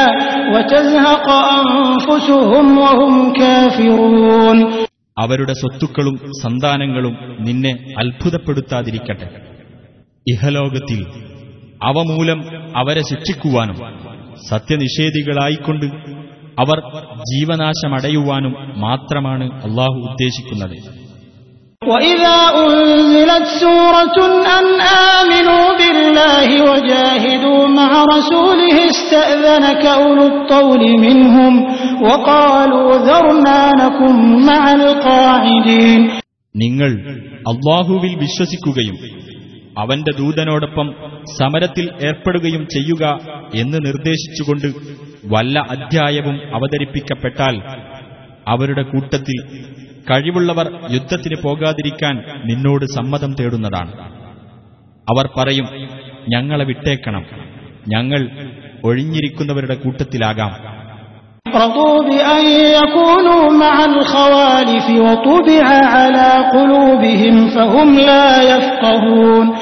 യുദ്ധത്തിനു പോകാതെ ഒഴിഞ്ഞിരിക്കുന്ന സ്ത്രീകളുടെ കൂട്ടത്തിലായിരിക്കുന്നതിൽ അവർ തൃപ്തിയടഞ്ഞിരിക്കുന്നു. അവരുടെ ഹൃദയങ്ങളിൽ മുദ്രവെക്കപ്പെടുകയും ചെയ്തിരിക്കുന്നു അതിനാൽ അവർ കാര്യം ഗ്രഹിക്കുകയില്ല لكن الرسول والذين آمنوا معه جاهدوا بأموالهم وأنفسهم وأولئك لهم الخيرات وأولئك هم المفلحون പക്ഷേ റസൂലും അദ്ദേഹത്തോടൊപ്പം വിശ്വസിച്ചവരും തങ്ങളുടെ സ്വത്തുക്കൾ കൊണ്ടും ശരീരങ്ങൾ കൊണ്ടും സമരം ചെയ്തു അവർക്കാണ് നന്മകളുള്ളത് അവർ തന്നെയാണ് വിജയം പ്രാപിച്ചവർ أعد الله لهم جنات تجري من تحتها الأنهار خالدين فيها ذلك الفوز العظيم അള്ളാഹു അവർക്ക് താഴ്ഭാഗത്തുകൂടി അരുവികൾ ഒഴുകുന്ന സ്വർഗത്തോപ്പുകൾ ഒരുക്കിവെച്ചിരിക്കുന്നു അവരതിൽ നിത്യവാസികളായിരിക്കും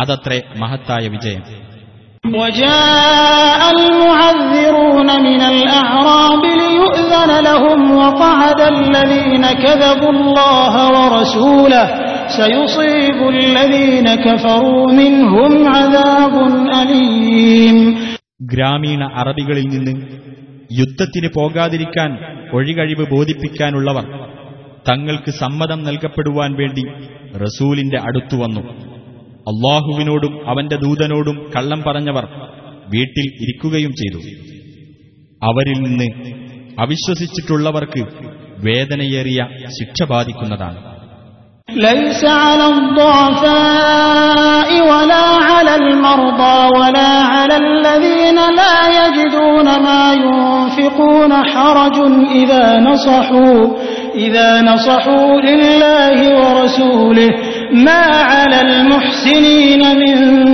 سبيل والله غفور رحيم ബലഹീനരുടെ മേലും രോഗികളുടെ മേലും ചെലവഴിക്കാൻ യാതൊന്നും കിട്ടാത്തവരുടെ മേലും അവർ അള്ളാഹുവോടും റസൂലിനോടും ഗുണകാംക്ഷയുള്ളവരാണെങ്കിൽ യുദ്ധത്തിന് പോകാത്തതിന്റെ പേരിൽ യാതൊരു കുറ്റവുമില്ല സദ്വൃത്തരായ ആളുകൾക്കെതിരിൽ കുറ്റം ചുമത്താൻ യാതൊരു മാർഗവുമില്ല അള്ളാഹു ഏറെ പൊറുക്കുന്നവനും കരുണാനിധിയുമാകുന്നു ولا على الذين إذا ما أتوك لتحملهم قلت لا أجد ما أحملكم عليه تولوا تولوا وأعينهم تفيض من الدمع حزنا ألا يجدوا ما ينفقون മറ്റൊരു വിഭാഗത്തിന്റെ മേലും കുറ്റമില്ല യുദ്ധത്തിനു പോകാൻ നീ അവർക്ക് വാഹനം നൽകുന്നതിനു വേണ്ടി അവർ നിന്റെ അടുത്തു വന്നപ്പോൾ നീ പറഞ്ഞു നിങ്ങൾക്ക് നൽകാൻ യാതൊരു വാഹനവും ഞാൻ കണ്ടെത്തുന്നില്ല അങ്ങനെ യുദ്ധത്തിനു വേണ്ടി ചെലവഴിക്കാൻ യാതൊന്നും കണ്ടെത്താത്തതിന്റെ പേരിലുള്ള ദുഃഖത്താൽ കണ്ണുകളിൽ നിന്ന് കണ്ണുനീർ ഒഴുകിക്കൊണ്ട് അവർ തിരിച്ചുപോയി അങ്ങനെയുള്ള ഒരു വിഭാഗത്തിന്റെ മേൽ إنما السبيل على الذين يستأذنونك وهم أغنياء وهم أغنياء رضوا بأن يكونوا مع الخوالف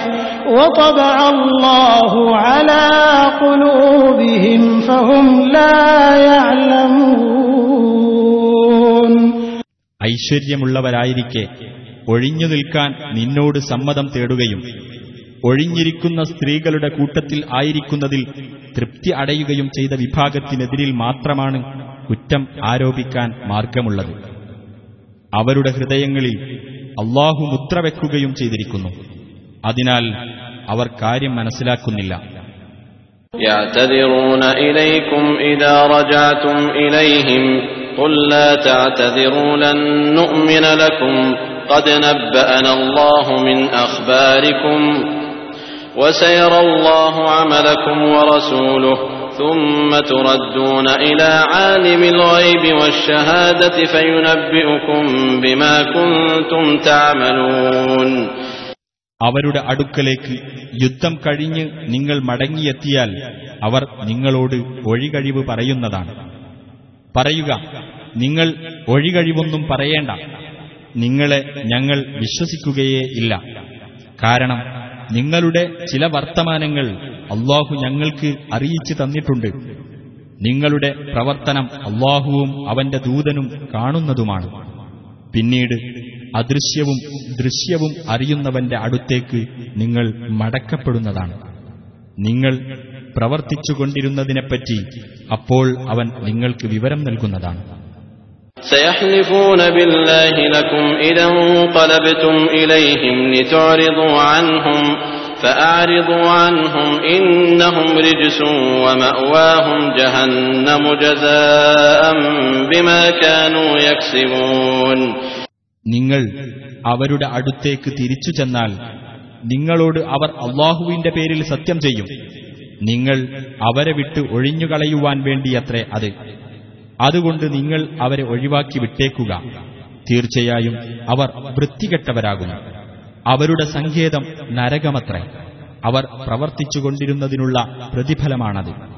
يحلفون لكم لترضوا عنهم فإن ترضوا عنهم فإن الله لا يرضى عن القوم الفاسقين നിങ്ങളോടവർ സത്യം ചെയ്യുന്നത് നിങ്ങൾക്ക് അവരെപ്പറ്റി തൃപ്തിയാകുവാൻ വേണ്ടിയാണ് ഇനി നിങ്ങൾക്ക് അവരെപ്പറ്റി തൃപ്തിയായാൽ തന്നെയും അള്ളാഹു അധർമ്മകാരികളായ ജനങ്ങളെപ്പറ്റി തൃപ്തിപ്പെടുകയില്ല തീർച്ച الأعراب أشد كفرا ونفاقا وأجدر ألا يعلموا حدود ما أنزل الله على رسوله والله عليم حكيم അഴറാബികൾ അഥവാ മരുഭൂവാസികൾ കൂടുതൽ കടുത്ത അവിശ്വാസവും കാപട്യവുമുള്ളവരത്രേ അള്ളാഹു അവന്റെ ദൂതന് അവതരിപ്പിച്ചു കൊടുത്തതിലെ നിയമപരിധികൾ അറിയാതിരിക്കാൻ കൂടുതൽ തരപ്പെട്ടവരുമാണവർ അള്ളാഹു എല്ലാം അറിയുന്നവനും യുക്തിമാനുമാകുന്നു ومن الأعراب من يتخذ ما ينفق مغرما ويتربص بكم الدوائر عليهم دائرة السوء والله سميع عليم തങ്ങൾ ദാനമായി ചെലവഴിക്കുന്നത് ഒരു ധനനഷ്ടമായി ഗണിക്കുകയും നിങ്ങൾക്ക് കാലക്കേടുകൾ വരുന്നത് കാത്തിരിക്കുകയും ചെയ്യുന്ന ഒരു വിഭാഗം അഹറാബികളുടെ കൂട്ടത്തിലുണ്ട്. അവരുടെ മേൽ തന്നെയായിരിക്കട്ടെ ഹീനമായ കാലക്കേട്. അള്ളാഹു എല്ലാം കേൾക്കുന്നവനും അറിയുന്നവനുമത്രേ. ومن الأعراب من يؤمن بالله واليوم الآخر ويتخذ ما ينفق قربات عند الله وصلوات الرسول ألا إنها قربة لهم سيدخلهم الله في رحمته إن الله غفور رحيم അള്ളാഹുവിലും അന്ത്യദിനത്തിലും വിശ്വസിക്കുകയും തങ്ങൾ ചെലവഴിക്കുന്നതിനെ അള്ളാഹുവിങ്കൽ സാമീപ്യത്തിനുതകുന്ന പുണ്യകർമ്മങ്ങളും റസൂലിന്റെ പ്രാർത്ഥനയ്ക്കുള്ള മാർഗവും ആക്കി തീർക്കുകയും ചെയ്യുന്ന ചിലരും അഴറാബികളുടെ കൂട്ടത്തിലുണ്ട്. ശ്രദ്ധിക്കുക. തീർച്ചയായും അതവർക്ക് ദൈവസാമീപ്യം നൽകുന്നതാണ്. അള്ളാഹു അവരെ തന്റെ കാരുണ്യത്തിൽ പ്രവേശിപ്പിക്കുന്നതാണ്. തീർച്ചയായും അള്ളാഹു ഏറെ പൊറുക്കുന്നവനും കരുണാനിധിയുമാകുന്നു. والسابقون الأولون من المهاجرين والأنصار والذين اتبعوهم بإحسان رضي الله عنهم ورضوا عنه وأعد لهم جنات تجري تحتها الأنهار خالدين فيها أبدا ذلك الفوز العظيم مهاجر അൻസ്വാറുകളിൽ നിന്നും ആദ്യമായി മുന്നോട്ട് വന്നവരും സുഹൃതം ചെയ്തുകൊണ്ട് അവരെ പിന്തുടർന്നവരും ആരോ അവരെപ്പറ്റി അള്ളാഹു സംതൃപ്തനായിരിക്കുന്നു. അവനെപ്പറ്റി അവരും സംതൃപ്തരായിരിക്കുന്നു. താഴ്ഭാഗത്ത് അരുവികൾ ഒഴുകിക്കൊണ്ടിരിക്കുന്ന സ്വർഗത്തോപ്പുകൾ അവർക്ക് അവൻ ഒരുക്കി വെക്കുകയും ചെയ്തിരിക്കുന്നു. എന്നെന്നും അവരതിൽ നിത്യവാസികളായിരിക്കും. അതത്രേ മഹത്തായ ഭാഗ്യം. وممن حولكم من الأعراب منافقون ومن أهل المدينة مردوا على النفاق لا تعلمهم نحن نعلمهم سنعذبهم مرتين ثم يردون إلى عذاب عظيم നിങ്ങളുടെ ചുറ്റുമുള്ള അയറാബികളുടെ കൂട്ടത്തിലും കപടവിശ്വാസികളുണ്ട് മദീനക്കാരുടെ കൂട്ടത്തിലുമുണ്ട് കാപട്യത്തിൽ അവർ കടുത്തുപോയിരിക്കുന്നു നിനക്ക് അവരെ അറിയില്ല നമുക്ക് അവരെ അറിയാം രണ്ടു പ്രാവശ്യം നാം അവരെ ശിക്ഷിക്കുന്നതാണ് പിന്നീട് വമ്പിച്ച ശിക്ഷയിലേക്ക് അവർ തള്ളപ്പെടുന്നതുമാണ് وآخرون اعترفوا بذنوبهم خلطوا عملا صالحا وآخر سيئا عسى الله أن يتوب عليهم إن الله غفور رحيم തങ്ങളുടെ കുറ്റങ്ങൾ ഏറ്റുപറഞ്ഞ വേറെ ചിലരുണ്ട് കുറെ സൽക്കർമ്മവും വേറെ ദുഷ്കർമ്മവുമായി അവർ കൂട്ടിക്കലർത്തിയിരിക്കുന്നു അള്ളാഹു അവരുടെ പശ്ചാത്താപം സ്വീകരിച്ചെന്ന് വരാം തീർച്ചയായും അള്ളാഹു ഏറെ പൊറുക്കുന്നവനും കരുണാനിധിയുമാകുന്നു خذ من أموالهم صدقة تطهرهم وتزكيهم بها وصل عليهم إن صلاتك سكن لهم والله سميع عليم അവരെ ശുദ്ധീകരിക്കുകയും അവരെ സംസ്കരിക്കുകയും ചെയ്യാനുതകുന്ന ദാനം അവരുടെ സ്വത്തുക്കളിൽ നിന്ന് നീ വാങ്ങുകയും അവർക്കുവേണ്ടി അനുഗ്രഹത്തിനായി പ്രാർത്ഥിക്കുകയും ചെയ്യുക. തീർച്ചയായും നിന്റെ പ്രാർത്ഥന അവർക്ക് ശാന്തി നൽകുന്നതത്രേ. അള്ളാഹു എല്ലാം കേൾക്കുന്നവനും അറിയുന്നവനുമാകുന്നു.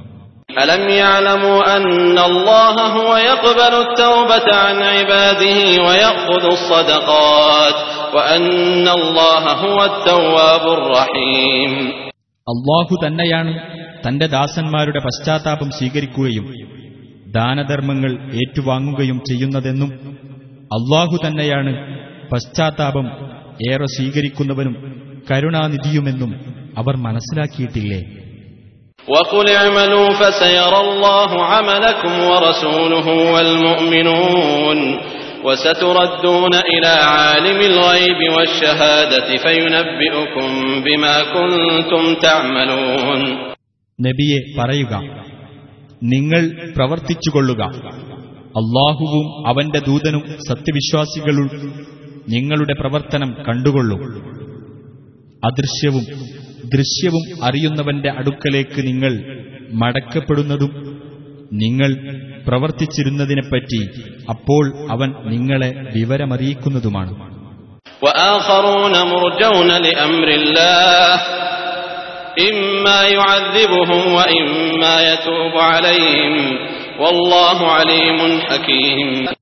അള്ളാഹുവിന്റെ കൽപ്പന കിട്ടുന്നതുവരെ തീരുമാനം മാറ്റിവെക്കപ്പെട്ട മറ്റു ചിലരുമുണ്ട്.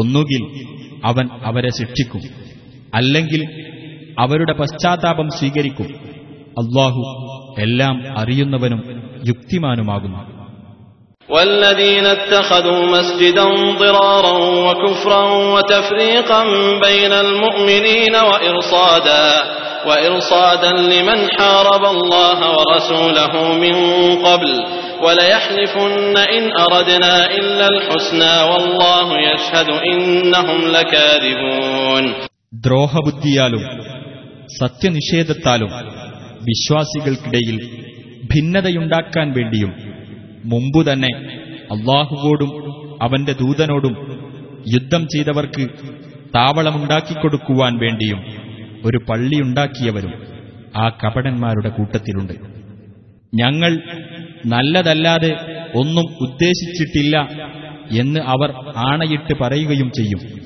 തീർച്ചയായും അവർ കള്ളം പറയുന്നവർ തന്നെയാണ് എന്നതിന് അള്ളാഹു സാക്ഷ്യം വഹിക്കുന്നു لا تقم فيه أبدا لمسجد أسس على التقوى من أول يوم أحق أن تقوم فيه فيه رجال يحبون أن يتطهروا والله يحب المطهرين നബിയെ നീ ഒരിക്കലും അതിൽ നമസ്കാരത്തിനു നിൽക്കരുത് ആദ്യ ദിവസം തന്നെ ഭക്തിയിന്മേൽ സ്ഥാപിക്കപ്പെട്ടിട്ടുള്ള പള്ളിയാണ് നീ നിന്ന് നമസ്കരിക്കുവാൻ ഏറ്റവും അർഹതയുള്ളത് ശുദ്ധി കൈവരിക്കുവാൻ ഇഷ്ടപ്പെടുന്ന ചില ആളുകളുണ്ട് ആ പള്ളിയിൽ ശുദ്ധി കൈവരിക്കുന്നവരെ അള്ളാഹു ഇഷ്ടപ്പെടുന്നു أفمن أسس بنيانه على تقوى من الله ورضوان خير أم من أسس بنيانه أمن أسس بنيانه على شفا جرف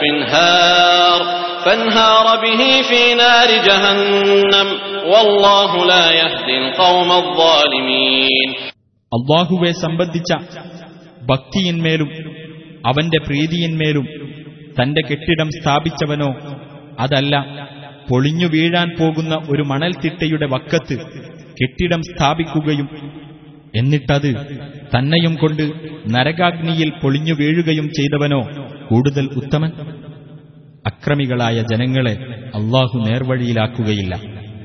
لا يزال بنيانهم الذي بنوا ريبة في قلوبهم إلا أن تقطع قلوبهم والله عليم حكيم അവർ സ്ഥാപിച്ച അവരുടെ കെട്ടിടം അവരുടെ ഹൃദയങ്ങളിൽ ആശങ്കയായി തുടരുന്നതാണ് അവരുടെ ഹൃദയങ്ങൾ കഷ്ണം കഷ്ണമായി തീർന്നെങ്കിലല്ലാതെ അള്ളാഹു എല്ലാം അറിയുന്നവനും യുക്തിമാനുമാകുന്നു إن الله اشترى من المؤمنين أنفسهم وأموالهم بأن لهم الجنة يقاتلون في سبيل الله يقاتلون في سبيل الله فيقتلون ويقتلون وعدا عليه حقا في التوراة والإنجيل والقرآن ومن أوفى بعهده من الله فاستبشروا ببيعكم الذي بايعتم به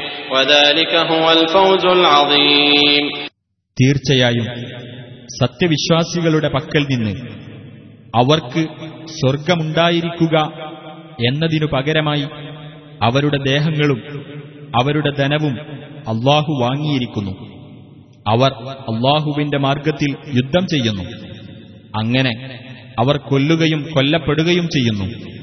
അങ്ങനെ അവർ സ്വർഗാവകാശികളാകുന്നു തൗറാത്തിലും ഇഞ്ചിയിലും ഖുർആാനിലും തന്റെ മേൽ ബാധ്യതയായി അള്ളാഹു പ്രഖ്യാപിച്ച സത്യവാഗ്ദാനമത്രേ അത്.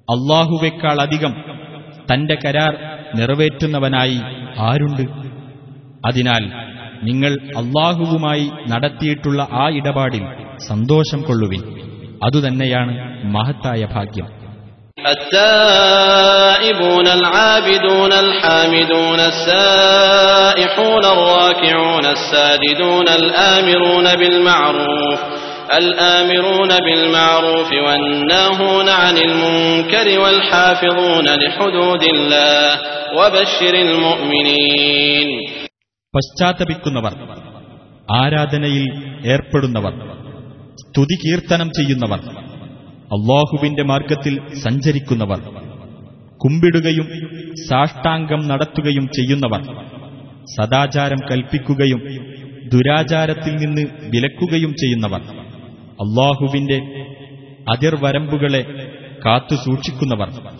ഇങ്ങനെയുള്ള സത്യവിശ്വാസികൾക്ക് സന്തോഷവാർത്ത അറിയിക്കുക ما كان للنبي والذين آمنوا أن يستغفروا للمشركين ولو كانوا أولي قربى ولو كانوا أولي قربى من بعد ما تبين لهم أنهم أصحاب الجحيم ബഹുദൈവ വിശ്വാസികൾ ജ്വലിക്കുന്ന നരകാഗ്നിയുടെ അവകാശികളാണെന്ന് തങ്ങൾക്കു വ്യക്തമായി കഴിഞ്ഞതിനു ശേഷം അവർക്കുവേണ്ടി പാപമോചനം തേടുവാൻ അവർ അടുത്ത ബന്ധമുള്ളവരായാൽ പോലും പ്രവാചകനും സത്യവിശ്വാസികൾക്കും പാടുള്ളതല്ല وما كان استغفار إبراهيم لأبيه إلا عن موعدة وعدها إياه فلما تبين له أنه عدو لله تبرأ منه إن إبراهيم لأواه حليم ഇബ്രാഹിം അദ്ദേഹത്തിന്റെ പിതാവിനു വേണ്ടി പാപമോചനം തേടിയത് അദ്ദേഹം പിതാവിനോട് അങ്ങനെ വാഗ്ദാനം ചെയ്തതുകൊണ്ട് മാത്രമായിരുന്നു എന്നാൽ പിതാവ് അള്ളാഹുവിന്റെ ശത്രുവാണെന്ന് അദ്ദേഹത്തിന് വ്യക്തമായപ്പോൾ അദ്ദേഹം അയാളെ വിട്ടൊഴിഞ്ഞു തീർച്ചയായും ഇബ്രാഹിം ഏറെ താഴ്മയുള്ളവനും സഹനശീലനുമാകുന്നു وما كان الله ليضل قوما بعد إذ هداهم حتى يبين لهم ما يتقون إن الله بكل شيء عليم ഒരു ജനതയ്ക്ക് മാർഗദർശനം നൽകിയതിനു ശേഷം അവർ കാത്തു സൂക്ഷിക്കേണ്ടതെന്തെന്ന് അവർക്ക് വ്യക്തമാക്കി കൊടുക്കുന്നതുവരെ അള്ളാഹു അവരെ പിഴച്ചവരായി ഗണിക്കുന്നതല്ല. തീർച്ചയായും അള്ളാഹു ഏത് കാര്യത്തെപ്പറ്റിയും അറിവുള്ളവനാകുന്നു.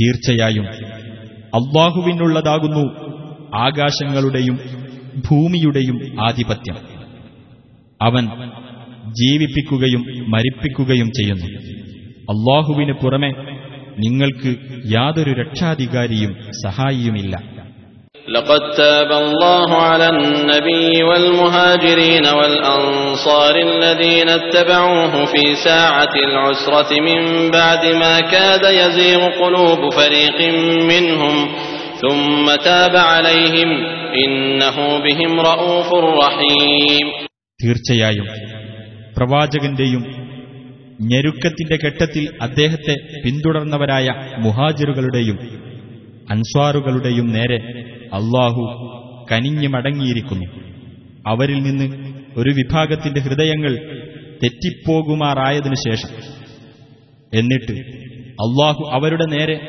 കനിഞ്ഞു മടങ്ങി തീർച്ചയായും അവൻ അവരോട് ഏറെ കൃപയുള്ളവനും കരുണാനിധിയുമാകുന്നു وعلى الثلاثة الذين خلفوا حتى إذا ضاقت عليهم الأرض بما رحبت وضاقت عليهم أنفسهم وضاقت عليهم أنفسهم وظنوا أن لا ملجأ من الله إلا إليه ثم تاب عليهم ليتوبوا إن الله هو التواب الرحيم പിന്നേക്ക് മാറ്റിവെക്കപ്പെട്ട ആ മൂന്ന് പേരുടെ നേരെയും അള്ളാഹു കനിഞ്ഞു മടങ്ങിയിരിക്കുന്നു അങ്ങനെ ഭൂമി വിശാലമായിട്ടുകൂടി അവർക്ക് ഇടുങ്ങിയതായി തീരുകയും തങ്ങളുടെ മനസ്സുകൾ തന്നെ അവർക്ക് ഞെരുങ്ങിപ്പോകുകയും അള്ളാഹുവിങ്കൽ നിന്ന് രക്ഷ തേടുവാൻ അവങ്കലല്ലാതെ അഭയസ്ഥാനമില്ലെന്ന് അവർ മനസ്സിലാക്കുകയും ചെയ്തപ്പോൾ അവൻ വീണ്ടും അവരുടെ നേരെ കനിഞ്ഞുമടങ്ങി. അവർ ഖേദിച്ചു മടങ്ങുന്നവരായിരിക്കാൻ വേണ്ടിയത്രേ അത്. തീർച്ചയായും അള്ളാഹു ഏറെ പശ്ചാത്താപം സ്വീകരിക്കുന്നവനും കരുണാനിധിയുമാകുന്നു.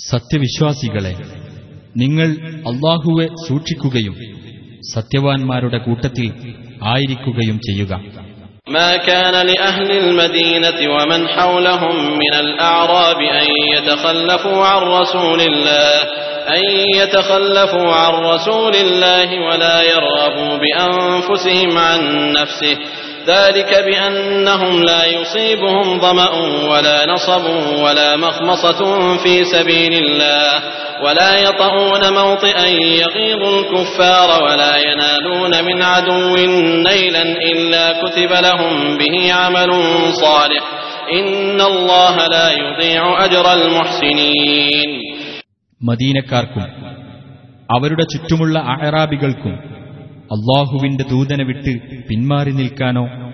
അദ്ദേഹത്തിന്റെ കാര്യം അവഗണിച്ചുകൊണ്ട് അവരവരുടെ സ്വന്തം കാര്യങ്ങളിൽ താൽപര്യം കാണിക്കാനോ പാടുള്ളതല്ല.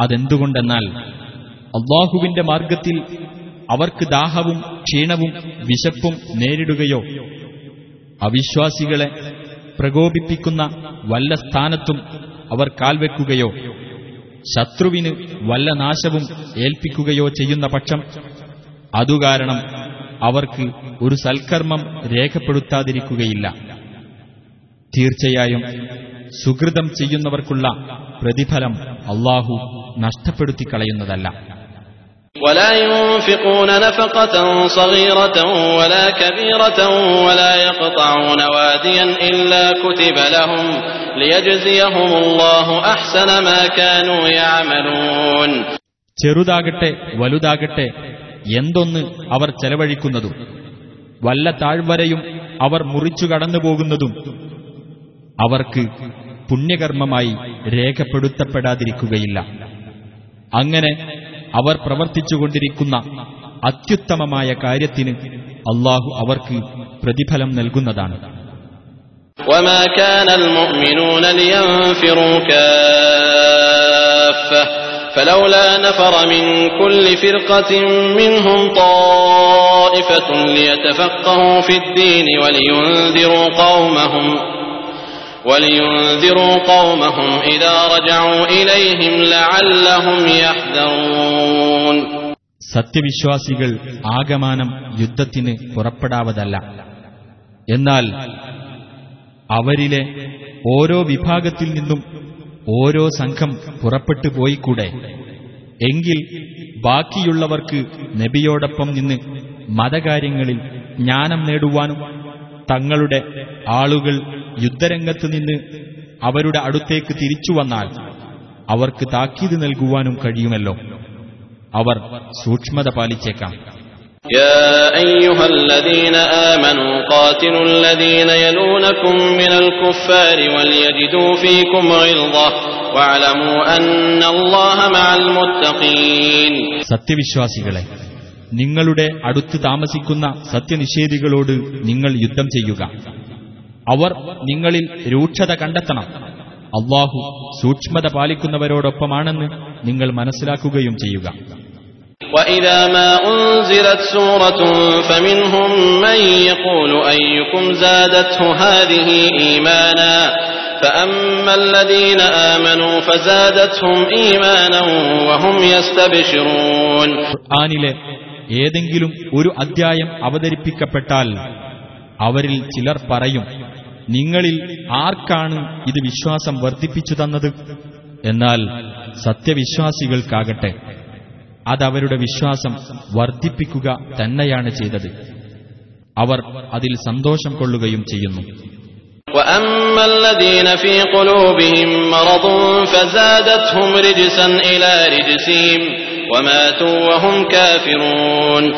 എന്നാൽ മനസ്സുകളിൽ രോഗമുള്ളവർക്കാകട്ടെ അവർക്ക് അവരുടെ ദുഷ്ടതയിലേക്ക് കൂടുതൽ ദുഷ്ടത കൂട്ടിച്ചേർക്കുകയാണ് അത് ചെയ്തത്.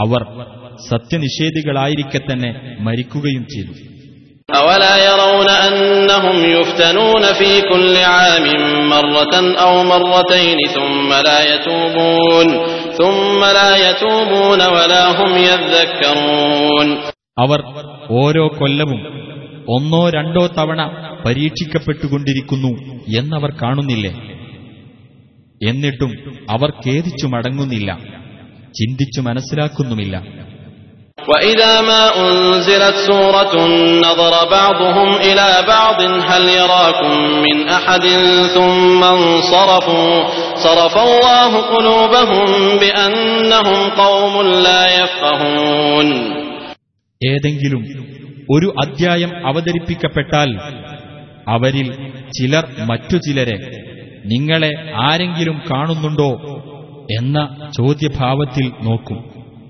എന്നിട്ട് അവർ തിരിഞ്ഞു കളയുകയും ചെയ്യും അവർ കാര്യം ഗ്രഹിക്കാത്ത ഒരു ജനവിഭാഗമായതിനാൽ അള്ളാഹു അവരുടെ മനസ്സുകളെ തിരിച്ചു കളഞ്ഞിരിക്കുകയാണ് لقد جاءكم رسول من أنفسكم عزيز عليه ما عنتم حريص عليكم بالمؤمنين رؤوف رحيم തീർച്ചയായും നിങ്ങൾക്കിതാ നിങ്ങളിൽ നിന്നു തന്നെയുള്ള ഒരു ദൂതൻ വന്നിരിക്കുന്നു.